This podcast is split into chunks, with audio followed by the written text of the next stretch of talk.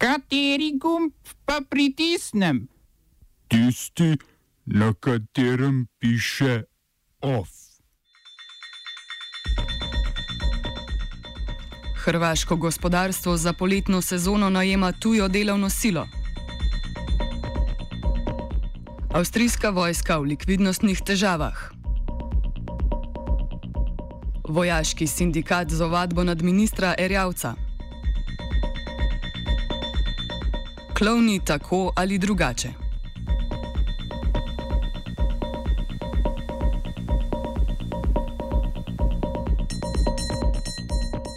Iran ne bo podaljšal 60-dnevnega roka, ki ga je dal Rusiji, Kitajski, Evropski uniji, Združenemu kraljestvu ter Franciji plus Nemčiji, torej so podpisnicam jedrskega sporazuma, da bi njegovo ekonomijo predvsem na naftnem in bančnem področju zaščitile pred sankcijami ZDA. V skladu z napovedmi bo tako Iran presegel dovoljeno stopno obogatitve urana, kot jo predvideva jedrski sporazum. Iran se je sicer že maja nehal držati določenih obveznosti iz sporazuma, podpisanega leta 2015, potem ko so ZDA enostransko umaknile svoj podpis, ostale podpisnice pa so kljub drugačnemu dogovoru pričele ravnati v skladu z ameriškimi sankcijami.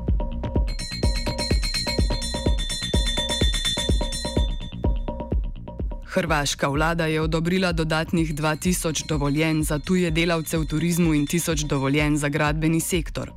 Hrvaško združenje delodajalcev je večkrat opozorilo, da je zaradi pomankanja delovne sile ogroženo poslovanje turističnih podjetij in gostinskih lokalov med turistično sezono. Hrvaški minister za delo in pokojninski sistem Marko Pavič je pojasnil, da je poudarek na zaposlovanju hrvaških delavcev. Spomnil je, da je vlada že lani odobrila 65 tisoč delovnih dovoljenj za tujce v letošnjem letu.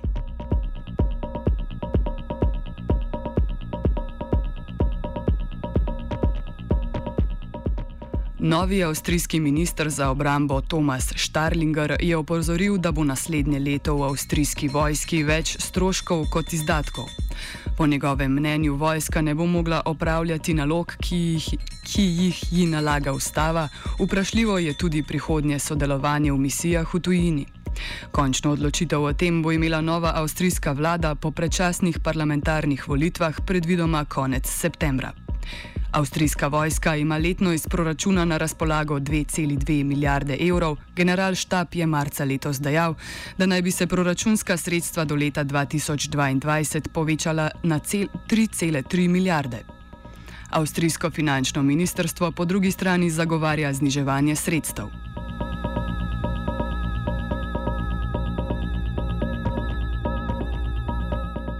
Avstralska zvezdna država Viktorija je postala prva zvezdna država, ki je uzakonila eutanazijo.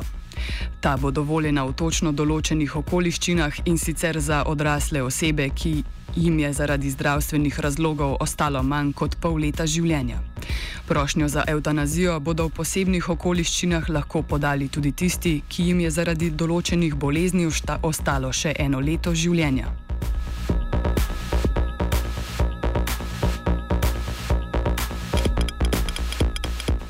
Republika Cipr in Grčija sta pozvali Evropsko unijo naj se strogo odzove na prisotnost turške vrtalne ladje, ki je namenjena za črpanje plina v ekonomski morski coni, ki po mednarodnem pravu pripada Republiki Cipr.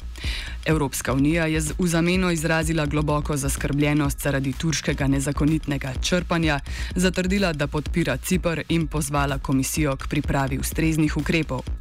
Več o turškem črpanju plina ter odzivu Cipra, Grčije in drugih v offsajdu ob petih. Oba, če, bom odgovoril na angliški. Slovenija bo poskušala pomagati. Slovenija bo naredila naš utmost, da bo rekla, da je situacija naš problem, sami. In bomo naredili nadaljnje korake, as soon as the conditions are. Bomo vlado Marjana Cererera Šarca podprli.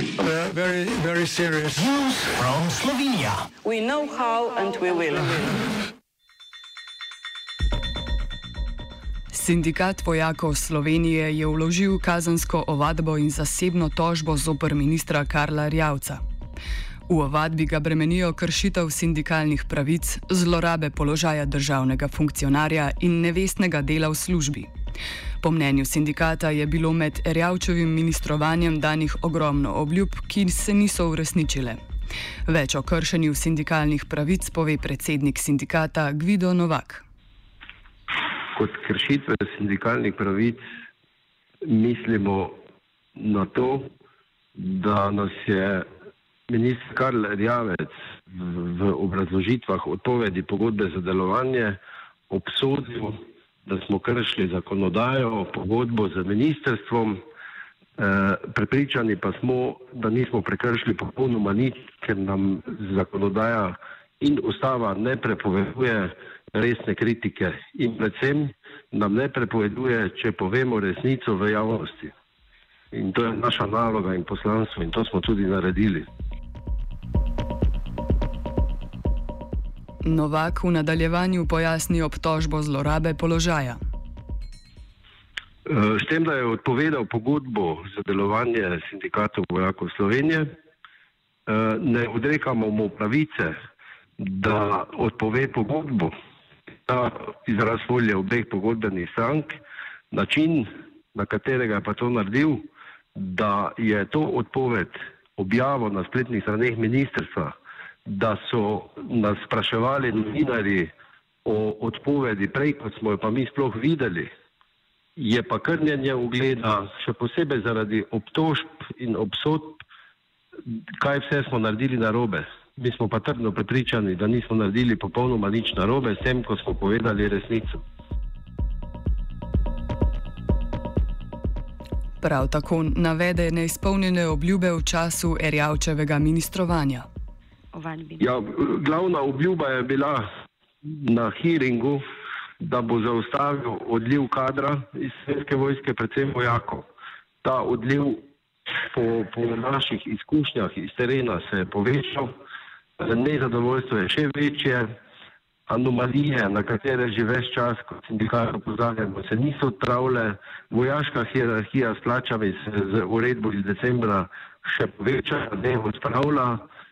Dodatek 19% je bil po zamenjavi načelnika generalnega štaba odzet vsem pripadnikom in na novo dodeljen selektivno posameznim skupinam, pa še sklep o tem dodatku prejšnjega meseca, marca, eh, se sploh ne dodeljuje, ga pripadniki ne dobijo tako, kot v sklepu samem piše. Slovenski državni holding je zaključil postopek privatizacije Nove Ljubljanske banke. Danes je poučenim vlagateljem prodal celotni preostali 10-odstotni lastniški delež države minus eno delnico, skupna kupnina od prodaje pa je nanesla 109,5 milijona evrov. Skupina NLB je sicer v preteklem letu v slovenski državni proračun prispevala 270 milijonov evrov iz dividend. Slovenska država s 25 odstotki in eno delnico ostaja največja posamična delničarka, a je s prodajo izgubila kontrolni delež. Doslej sta bila največja posamična nedržavna lastnika ameriška finančna družba Brands Investment Partners ter Evropska banka za obnovo in razvoj. Prva je imela po podatkih z konca leta 2018 6,71 odstotni lastniški delež, delež, druga pa 6,25 odstotnega. SDH je prodajo izvedel skladno s strategijo upravljanja kapitalskih naložb države in zavezami, ki jih je Slovenija dala Evropski komisiji v zameno za odobreno državno pomoč banki konec leta 2013. S tem, ko je Slovenija v celoti izpolnila prodajno zavezo, za banko odpadajo vsi omejitveni ukrepi, ki so bili uvedeni zato, da pred tekmeci na trgu ne bi imela prednosti.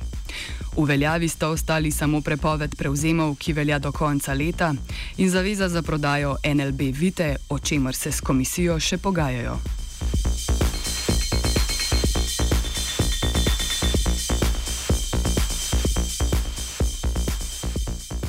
OF je pripravila vajenka Anja.